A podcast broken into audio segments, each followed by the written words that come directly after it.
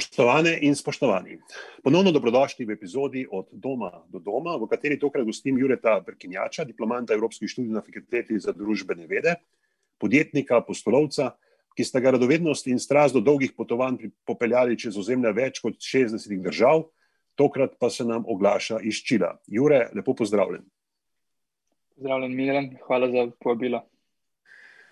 Zdaj, kmalo po zaključku študija si se odpravil na pot od Slovenije do Nove Zelandije prek Turčije, Irana, Pakistana, Indije in, in še naprej. V enem od tistih intervjujev si tudi povedal, da se ti je najbolj spomin tistila iranska gostoljubnost. Če parafraziram, kaj si rekel, da ste, ga, da ste te presenetila predvsem toplina in prisrčnost tamkajšnjih ljudi. A nam lahko kaj, kakšno podrobnost, kakšen takšen detalj zaupaš, kaj si doživel po tej poti po svetu? Ja, to je bilo potovanje takoj po zaključku uh, univerze, uh, sva s prijateljem Vasjo šla po kopnem prek Azije. Uh, in Iran je bila prva taka država, seveda, kjer uh, je bilo večina stvari drugačih. Uh, Turčija še nekako se zdi domača, podobna. Iran pa potem precej drugačen, pa še posebej eh, glede tega, ker je to zaprto, oziroma ker ni, ni veliko tujcev. Mi, da so takrat v enem mesecu, se mi zdi, da manj, manj kot 15, pa 20 tuj, drugih tujcev, turistov, turistov srečala. Tako da že to je ena taka velika sprememba. Potem jezik, malo ljudi govori uh, angliško, tako da se je treba druga, drugače znajti. In pa ta gostoljubnost, pa se mi zdi, da pride iz tega, ker ravno zaradi tega, ker je ravnovesje med tem, koliko ljudi obišče nek, neko deželo, um, kako popularna je in potem kako domačini, kakšen imajo odnos. Seveda, ker niso pripravljeni s turisti, so tako bolj veseli videti tujce in so, in so tako bolj radovedni, posebej, ker Iran je predstavljen kot oz zla in tako naprej v svetu in so zelo. Um, eager, da bi, da bi prikazali Iran in, in kakš, kakšno je njihovo življenje tujcem. Tako da mi, da so tam, recimo, v tem mesecu, ko so bila tam, sva eno tretjino noči preživela pri ljudeh, ki so jih spoznala na poti. In so naj povabili v svoje domove, in so bila tam pri njih. In to je bilo ne, neverjetno, kljub uh, veliko krat jezikovnim. Um, Preprekam in tako naprej. Se spomnim, enkrat, ko so, so bila recimo v mestu Tabriz, na severu, sever, severozahodu Irana. Um, in sva čakala, so hotela iti z avtobusom do Kaspijskega morja. In je bil pa, to je bil, no, to je bil del, točno pred devetimi leti, no, novembra, in je ta bris visok, več kot 20 metrih, in je bila strašna uh, snežna uh, uh, nevihta. Tako da ni bilo nobenih povezav iz, iz Tabriza in nisem vedela, kaj bi. Sva šla tam, sva tavala po avtobusni postaji, in uh, naenkrat od zadaj nam nekdo na, na, na ramo uh, potapne. In, pra, in je imel s seboj moški svojo ženo, ki je govorila angliško, in naj uh, povabil v svoj internet kafe, ki ga je imel v, v avtobusni postaji.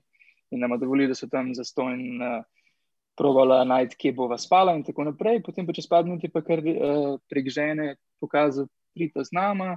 In sta me pa v bistvu pelala okoli po celem mestu, v različne stvari, pit čaj, večerja.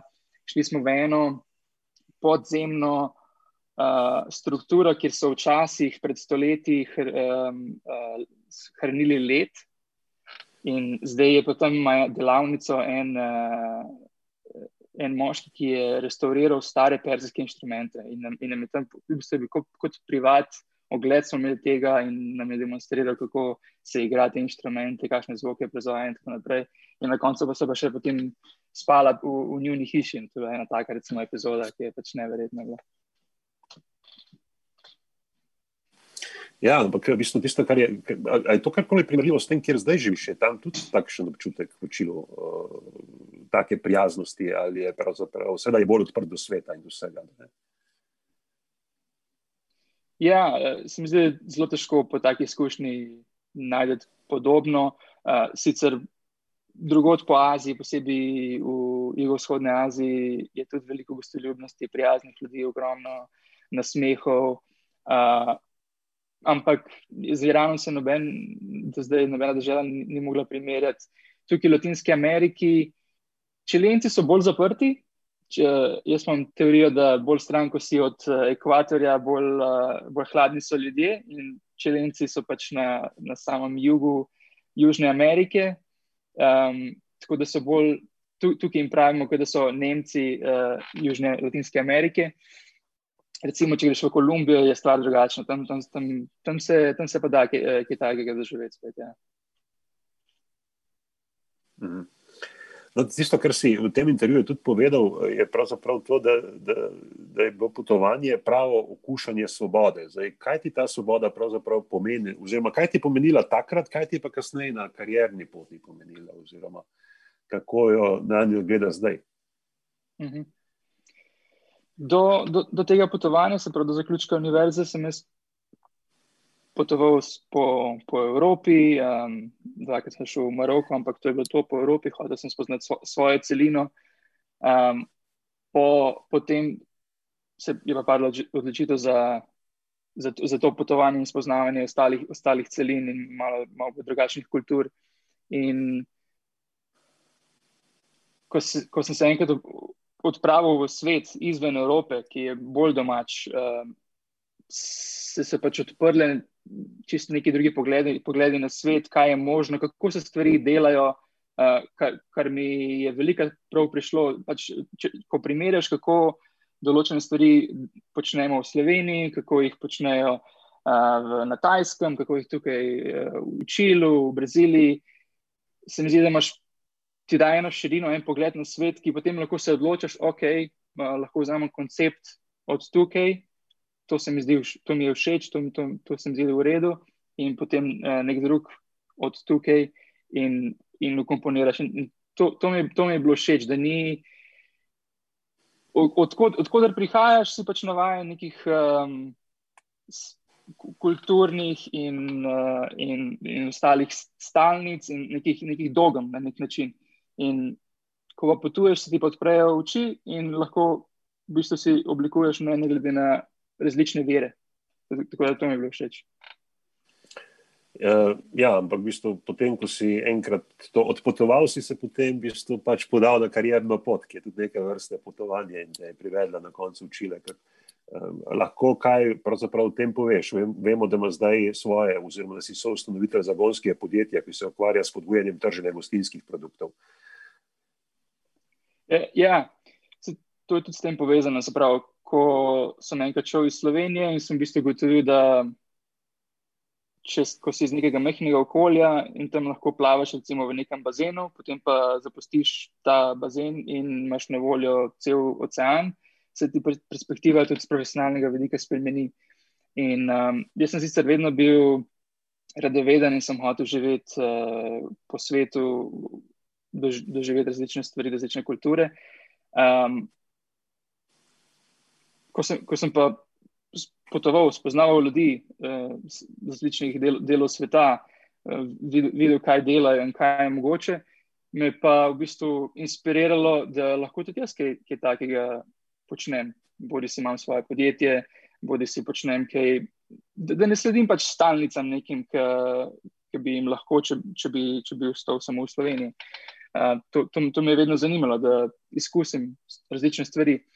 Tako da jaz sem uh, cilj tega potovanja je bil na začetku, da grem v Novo Zelandijo in tam uh, končam kot uh, na Working Holiday vizi. Ampak nikoli nisem prišel do Nove Zelandije, mi um, je bilo preveč všeč v jugovzhodni Aziji. Poleg tega sem pa tudi začel uh, delati za po podjetje, ki takrat smo bili samo štiri, ker sem se jaz pridružil, sem bil četrta oseba, ki se je pridružil kjer smo, uh, ki, ki, ki smo ljudem pomagali, kako diversificirati svoje življenje po svetu in kako, um, kako iz, izkoristiti različne priložnosti po svetu, bodi si uh, investicijske priložnosti, priložnosti za vzpostavitev različnih uh, podjetij, poslovne priložnosti po svetu. Tako da smo jim pomagali pri.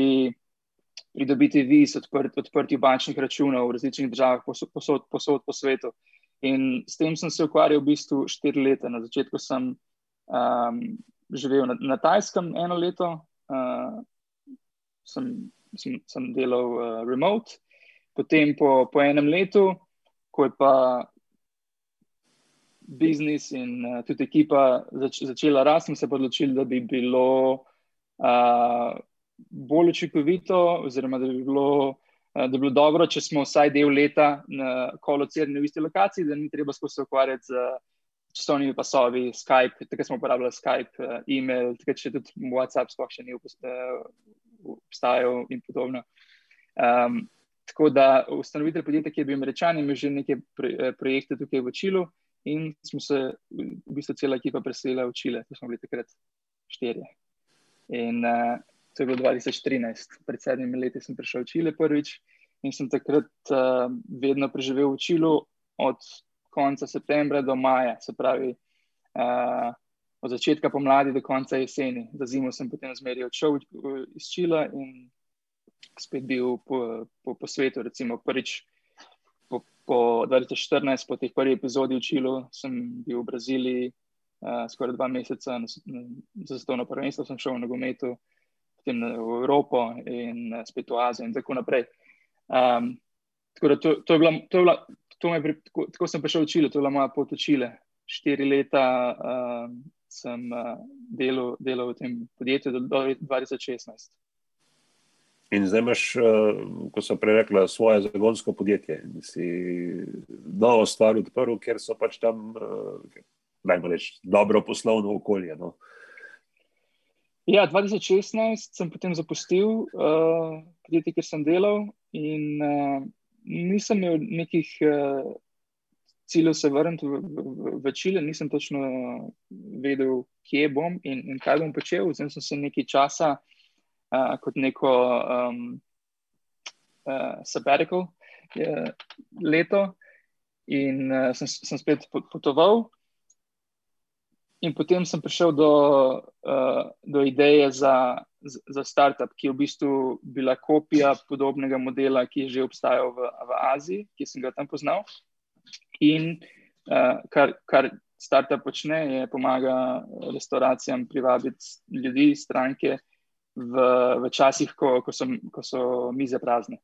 Z, v bistvu je dynamic pricing. V bistvu. uh, glede na, na povpraševanje, je, je različen popust, ob, ob, določ, ob, ob kateri uri ješ v restauraciji. Od 10 do 50 odstotkov. In vsaka restauracija ponuja 50 odstotkov popusta uh, vsak dan. Recimo ob 5 popovdne, ko ni nobenega v restauraciji lahko ješ s 50% popusta. In sprav, to je bila ideja iz Azije, in sem se odločil jo pripeljati sem uh, v Latinsko Ameriko. Razlog je zato, ker sem bil že jaz uh, tukaj, uh, poznal sem okolje. Um, poleg tega pa tudi uh, v, Čilu obstaja en zelo dober uh, pospeševalnik za startupe, strani čilenske vlade, ki se jim pravi Startup Čile, ki, je, ki so ga zaštartili pred desetimi leti in uh, je eden vodilnih pospeševalnikov na, na svetu. Ja, ja, ampak, prav, ampak zdaj delaš v bistvu na področju, ki ga je pa ta kriza, pandemija, daleč najbolj uh, prizadela. Ne? In za tisto, kar ja, me nekako zanima, kaj, kaj se pravzaprav učilo glede tega dogaja in v bistvu, kako to vpliva tudi na, na, na posel. Uh, ja, uh, tukaj smo tukaj se, so se stvari začele približno podobno kot v Sloveniji, se pravi, v sredini marca so se začeli uh, lockdowni in, in podobno, uh, s tem, da je tukaj trajalo do, do, do začetka avgusta, vse skupaj, ko so začele stvari, uh, ko so šle stvari na bolje. Um, še vedno so različni ukrepi, recimo do uh, restauracije, lahko moje stranke samo zunaj, uh, ne, ne smejo biti notri. Um, še, zme, še vedno je obve, obvezna uh, uporaba mask, povsod v jav, na javnih prostorih. Um, jaz sem sicer delno, delno tudi zaradi vsega tega in zaradi negotovosti, sem pred, pred nedavnim, pred, pred par tedni, uh, zapustil uh, meso, tako da se, se trenutno nisem več udeležen uh, v, v Mesi, um, kjer se mi zdi, da bo da ta negotovost. Ko imate zdaj v Evropi drugi val, tudi tukaj se ne ve, kaj bo. In, uh, bo, bo težko, po moje, za industrijo. Uh, ja, ampak dobro, razumem, da je pač tam, uh, tam je poletje, tam, oziroma ste pred poletjem, niste pred zimo, kot smo pravzaprav videli.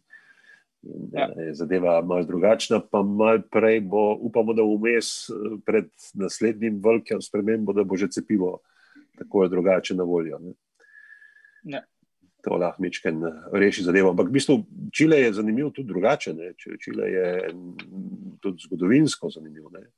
Od tega, da se je Alende vrlo, Pinočev režim, da se je zdaj, v bistvu, še vedno je veljavi Pinočeva ustava in v bistvu tudi nemiri so se pojavili zaradi, ja, jaz bi človek, človek bi rekel, strašnega nerazumevanja ali pa elite so se toliko utolile od ljudi, da praktično doben več ni drug drugega razumel in upošteval. Vsaj moj pogled je na to takšen.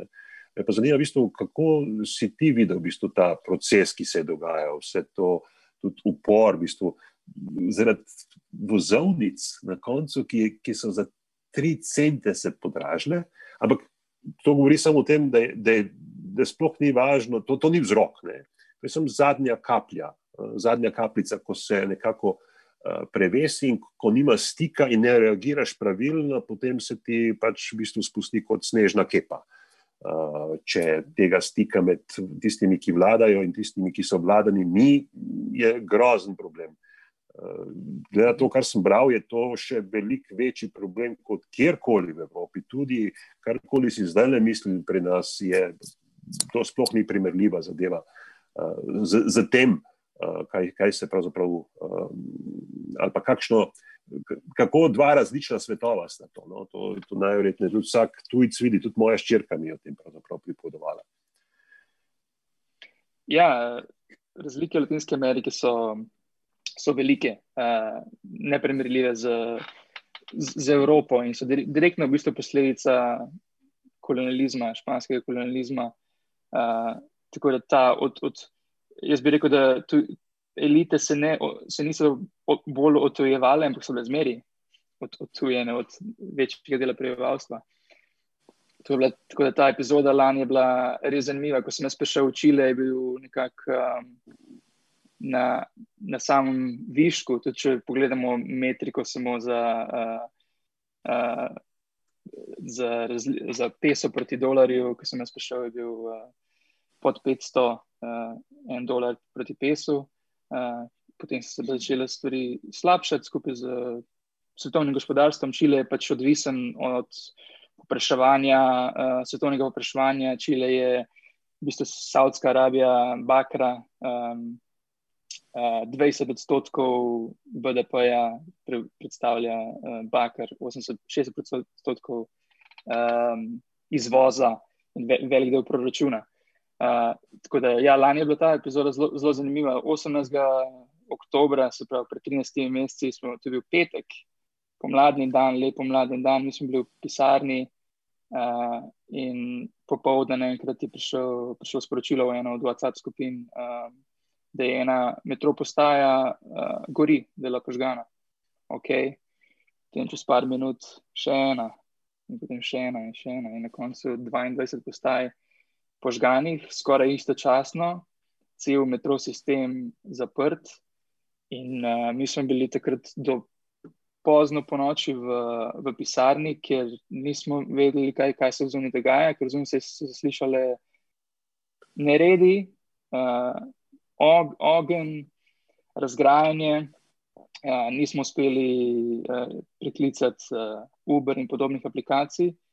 Tako da na koncu smo sodelovali, ko šla, vem, ob desetih, enajstih zvečer uh, domov. In potem, potem, tako naslednji dan, um, policijska ura, vojska na ulicah in uh, nasilni spopadi med policijo in, in vojsko. Nekaj takega, kar si je res težko pričakovati, mislim, res iz, en, iz enega dneva v drugega se bo ponovno, se stvari popolnoma spremenili.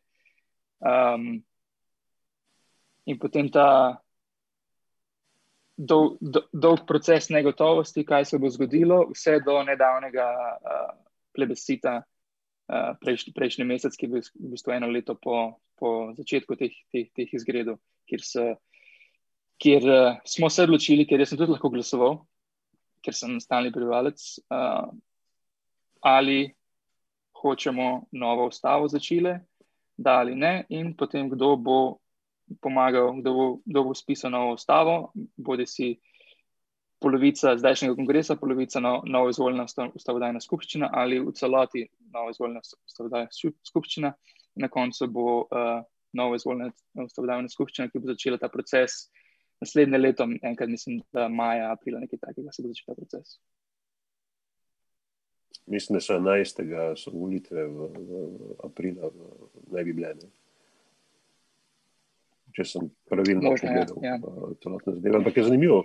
Ampak je zanimivo, v bistvu, vmes je tudi tako zelo progresivna rešitev, tudi najverjetneje primerjavi z ustaljeno politiko. Ne, ne poznam toliko, da bi znal soditi, da je bo pol žensk, pol moških v, tej ustanovni skupščini in da ja. niso pravzaprav vezani na tisto, kar nobenega drugega dela nimajo, samo novo ustavo morajo spisati, ki jo morajo sprejeti z dvotretinsko večino znotraj sebe, kar je, kar je težko.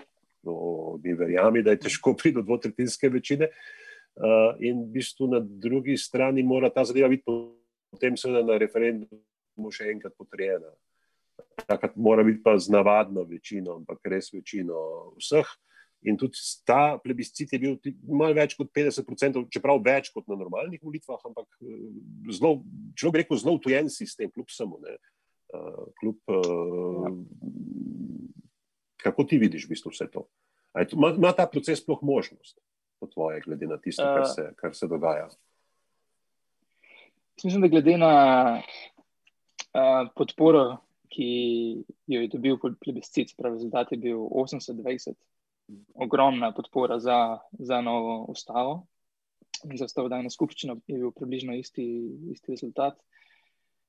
Da je cel ta val, ki se je sprožil pred 13 meseci, da bo do nekih sprememb prišlo. Zdaj, ja, tako kot si rekel, dvotretinska večina uh, je potrebna, kar se mi zdi na nek način, da je tudi dobro, ker Čile se je po, teh, po začetku protestov lani, se mi zdi, da se je neupravičeno nekako dobil oznako kot nek. Uh, Kot slab primer um, neoliberalizma, um, in, in, in, in kapitalizma, čeprav po, po, po številkah, če se pogleda um, število ljudi, število prebivalstva, ki živi v revščini, je, je Čile neverjetno uspešna zgodba v zadnjih 40 letih, od leta 1980 do letos. Če pogledamo BDP na prebivalca, poprečje Latinske Amerike in Čile, je razlika ogromna. Šte, uh, pa število ljudi, ki živijo v revščini, se je od leta 2006 do mislim, 2017 zmanjšalo iz 31 odstotkov prebivalstva do na 6 ali 7 odstotkov. Nekaj takega. Tako da rezultati so konkretni. Ne. Je pa zagotovo dejstvo, da veliko, veliko ljudi je prišlo iz revščine v srednji sloj, da se počutijo ogrožene s, to, s tem uh, upočasnjevanjem rasti gospodarske, da bodo šli nazaj, uh, v, oziroma da, bo, da, da se bo njihova blaginja zmanjšala. In, in seveda tudi z večanjem blaginje se večajo tudi pri, pri, pričakovanja. Um, boljši sistem izobraževanja, boljši zdravstveni sistem, boljši, boljši pokojninski sistem in vse te zadeve. Tako da jaz na, na koncu koncev mislim, da je zadeva dobra, da bo, da bo, da bo nova ostala, ampak mislim, da je tudi dobro, da bo v bistvu dvotetinska večina, ker zadeve vseeno grejo v pravo smer, zgodovinsko gledano, zadnjih 20 let, zadnjih 40 let. Um, to, da bojo 50-odstotno ženske, moški, absolutno super. In ne samo to, tudi bojo obvezna udeležba um, avtohtonih prebivalcev, kar je tudi zelo pomembno, da imajo tudi oni svojo besedo, pri kako se bo organizirala družba. Tako da vse te zadeve so pozitivne, je pa veliko negotovosti, kako bo cel, cel proces šel, seveda. Prvo, kot prvo, kako bo te volitve šle, kdo bo, ali bo to spet samo predstavniki političnih strank. Um, in poleg tega imamo potem Čile še predsedniške volitve naslednjo leto, čez približno eno leto, se mi zdi, kako bo ta usporedni proces potekal, ker Čile predsed, predsedniški, ima predsedniški sistem. Um, tako da velik, veliko negotovosti, zagotovo. Ja, ja, mislim, tudi, če gledaš še v daljši perspektivi, ti se rekel, v bistvu nekako v tej perspektivi, odkar je Pinoče šel, ne, je zadeva vseeno mal, mal drugačna, ampak ustala je ustava ne, iz takratnih časov, ki praktično omogoča tudi teroristično zakonodajo kontra recimo zagovornikom okolja ali česarkoli tazga, kar kakorkoli že ogroža v bistvu In tisto, kar, kar si znam hitro predstavljati, ne, glede na to, kam gre trend, ne, če boš postavil neke tudi okoljske standarde, če boš postavil neke socialne standarde, uh, bo pravzaprav to mali eksperiment, za katerega dejansko ne bomo vedeli. Ali pa, tako kot so v številnih ustavah, da so socialne pravice noter, ampak so to programske norme, ki jih ne moreš izpolniti, dokler nimaš pogojev za to. To pomeni, da ljudje, ljudje ne bodo dobili tistega, kar so, kar so pravzaprav pričakovali in bodo lahko se čutili na nek način izigrane. Um, in, um, ja, ja, ker obljubljati, obljubljati je lahko, uh, uh -huh. oziroma govoriti o tem, potem implementirati in konec koncev financirati zadeve, je pa druga stvar. Ja, ja. Uh, vse je običajno, se je v bistvu takrat se učilo, ko smo se učili, ne, je bila sicer socialistično oblast s pomočjo američanov so takrat uh, vrgli, uh, Alendeja so vrgli, tudi v Ljubljani, v bistvu blizu FDV-ja, v bistvu so, smo potem Alendejevo ulico odpravili in imamo zdaj Baragovo ulico. Uh, ampak Alende je bil od vseh teh, kar recimo, ko se včasih rečeš, se vrže stran od teh sistemov, ne, je bil v bistvu vsaj v tistem času pozitivni zgled, ni izgledal neki da bi zdaj to bila v bistvu zdaj partija, pa samo tisto, ampak je zgledal v bistvu nek eksperiment, ki ga seveda pa američani takrat zaradi razmerja moči niso pustili. Pol pa po, po, ne, potem pa po drugi, mislim, po, po padcu Pinočeja, pa potem, ko se ta deva začne razvijati, pa američani nekako nimajo več moči, da bi se nad Latinsko Ameriko karkoli dogajali. Tega, ker si, to se mi včeraj dobro pripovedoval, v bistvu, kaj rude so toliko pridobile. Ne? Uh, zaradi tega je tudi Rusija se dvignila, zaradi tega se je tudi ja. Latinska Amerika, Venezuela, v bistvu Baker, uh, Baker uh, Čile. Uh, ja, ja. Je zgledal, da bo, da bo za vse dovolj, uh, ampak zadeve ne gredo nujno v, v, v to smer, ne, v bistvu, ker imaš vseeno svetovno gospodarstvo, ker so neke eh, svoje uh, zakonitosti. Tako je. In ker so velike, velike, velike del držav v Latinski Ameriki odvisne od izvažanja surovin, bodi si nafte, bakra, litija in tako naprej, uh, govedine in ostalih. Uh, uh, kmetijskih proizvodov, v primeru Argentine, uh, se obračajo potem, oziroma so zelo odvisni od tega. Tako da ja, začetek, potem, ko je Kitajska stopila v Svetovno trgovinsko organizacijo in začetek 21. stoletja. So potem vse te države, jih je Kitajska vlekla, podobno kot ostale države, ki imajo primerljivo strukturo gospodarstva v Afriki, Aziji potem pa stona gospodarska kriza, ok, po krizi spet, eh, seveda, uh, rebound, ampak uh, z upočasnjevanjem stona gospodarstva in uh, manj popraševanja po surovinah, so se pa začele zadeve upočasnjevati posod. Ne samo tukaj, ampak tudi lani. Tudi, recimo, Čile ni bil edina država, kjer so se lani zgodili vse te nemiri. Ogromna država tukaj, od Bolivije do Peruja, do Ekvadorja, Kolumbija, so imeli podobne primere uh, lani, nasilnih protestov, uh, zamenjava oblasti in, in tako naprej. Uh, Argentina itak ima uh, vsake par let uh, hiperinflacijo in, in tako naprej. Argentina je svoj, svojstven primer. Ampak ni Latinska Amerika na splošno, je ja, odvisna od svetovnega gospodarstva, poleg tega pa ravno zaradi tega, ker gospodarstvo je tako odvisno od primarnih surovin, ker nimajo uh, ostalih sektorjev gospodarstva, bi, uh, na katere bi se lahko zanašali, um, imajo ta problem. Uh, zato tukaj v Čilu, recimo, so poskušali, oziroma poskušajo, in mislim, da uspešno to rešiti z diverzificiranjem stran od tega, da ne bojo odvisni samo od popraševanja svetovnega za njihove surovine in kmetijske proizvode, ampak da, bo, uh, da, da bojo ostali sektori pri, pri uh, gospodarstva bolj razviti. Se pravi, uh, veliko investirajo v inovacije in podjetništvo. Ta program, ki sem ga omenil prej, pospeševalni startup Čile, je velik del tega in pomaga veliko. Prinese, uh, pripelje mlade podjetnike, oziroma podjetnike na splošno iz celega sveta, uh, in, uh, in, in da nekaj več kot 30 tisoč dolarjev uh, za, za zagon svojega podjetja, uh, tukaj vize, uh, možnost uh, pisarn, co-work. Uh, povezave v gospodarstvu ja, z javnimi inštitucijami, in tako naprej. In ta ekosistem v zadnjih desetih letih se je res razvil iz nič v najbolj uh, tekmovalen startup uh, ekosistem v, v, Lati, v Latinski Ameriki. In je veliko uspešnih zgodb, ki so prihajali tukaj. Tako da uh, jaz mislim, da je zelo uspešno, kar, kar, kar delajo. Ja, ampak a, a to vpliva tudi na življenje teh ljudi, ki so še vedno počutijo v bistvu nekako odrinjene in zdaj pričakujejo, da bojo socialne pravice?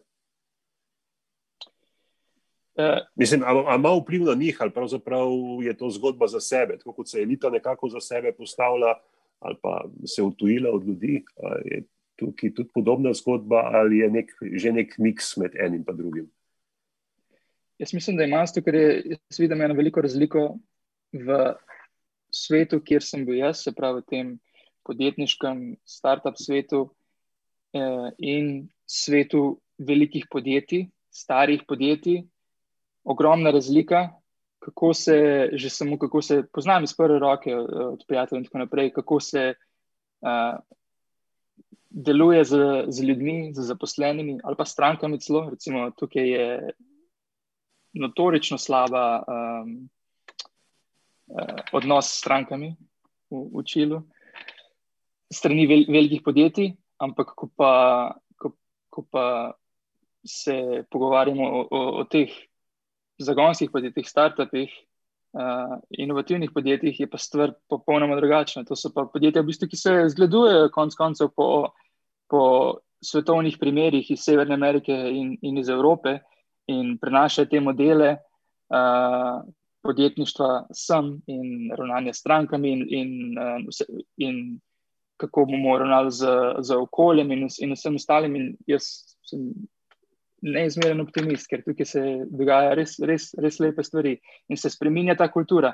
Ne, ne spremenja se top-down, ampak se spremenja bottom-up, kar se mi zdi edini edin nek način uspešen, kako se dolgoročno stvari spremenja. Tako da jaz mislim, da z novo generacijo se te stvari, kako uh, tudi razlike med sloji, uh, ker nasplošno ja, je zelo razslojena družba. Je zelo pomembno za tradicionalnega uh, čelenca kako se pišeš, kam si šel v šolo, v katerem delu mesta živiš. Nekaj, kar pač za nas je v bistvu nepredstavljivo. Ne? Uh, tukaj je pa to zelo pomembno in pri zaposljevanju, pri karjernih priložnostih je to zelo pomembno. Ampak z novimi generacijami in v teh novih uh, v bistvu, industrijah se pa te stvari spremenjajo zelo hitro. Ja, uh, si, si znam predstavljati, ali pa upam, upam v bistvu, ne, ne znam si v celoti predstavljati, ampak upam, da se da na ta način tudi spremenja družbo. Ne. Politične spremembe, gospodarske spremembe. Um, konc koncev mislim, da si bomo mogli vseh sistemov, celo iz neoliberalnega, uh, znati kaj izposoditi, uh, ali pa vsaj kakšen vidik, uh, če bomo hoteli v bistvu na inovativni način naprej. V bistvu, sej, ne v, v smislu tega, da bi lahko s tem nadaljevali, ker del upora je običajno bil vezan ravno tudi na to, da se pač velika, velika, vedno večje razlike se uh, spostavljajo.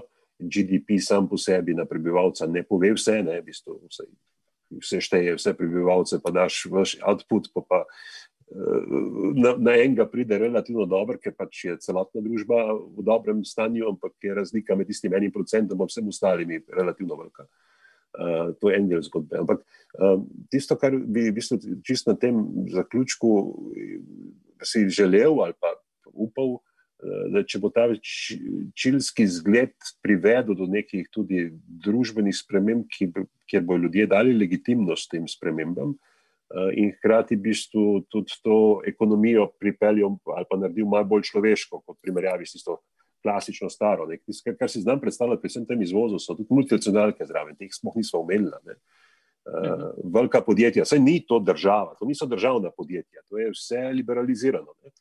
Um, in vprašanje je, bistvo, koliko dejansko pol znotraj teh multinacionalk dejansko učili ostane, tako ali drugače. Uh, s, s tem težavo imaš v bistvu v vse posod v državah v razvoju, če tako in tako rečeš ali uporabiš takšen pojem. Um, ampak ja, um, ti misliš, ti boš pravzaprav ustrajal v učilu, to ti je, ti, ti, ti, ti je bolj všeč kot uh, recimo v Evropi? Odkrito povedano, ne vem, um, ni nobenega fiksnega plana. Um, meni je bilo vedno všeč spoznavati nove, nove kulture, nove kraje. Tako da sem vedno odprt za, za nove priložnosti, da sem učil že kar nekaj časa. Tako da, v bistvu, malo, odkrito povedano, je malo mika, še kam drugam. Ok, jaz ti želim vse dobro. Hvala za tale pogovor. Uh, in uh, v bistvu pravzaprav za drugačen pogled od tistega, kar smo uh, običajno navajeni od, od, od tam.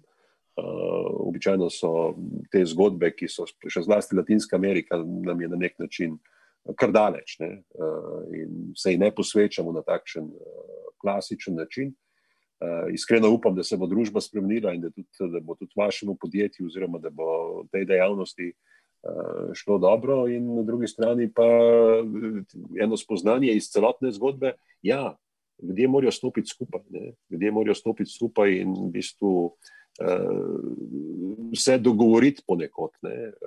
če enkrat zmanjka tega, tega razmerja med uh, vladajočimi in vladanimi. V bistvu, če zmanjka tiste legitimnosti, kjer pač vedno uh, mora biti, uh, je pa to zelo čustven proces, ki se ga ne da čisto racionalno pojasniti. V bistvu, zadnji vzrok uh, je v bistvu samo kaplja čez rob. To ni, ni nič, treba je celotno zgodovino gledati drugače, se nekega takega procesa ne da razumeti. Um, ja, hvala ti za, za, za ta pogovor. Hvala lepa za povabilo.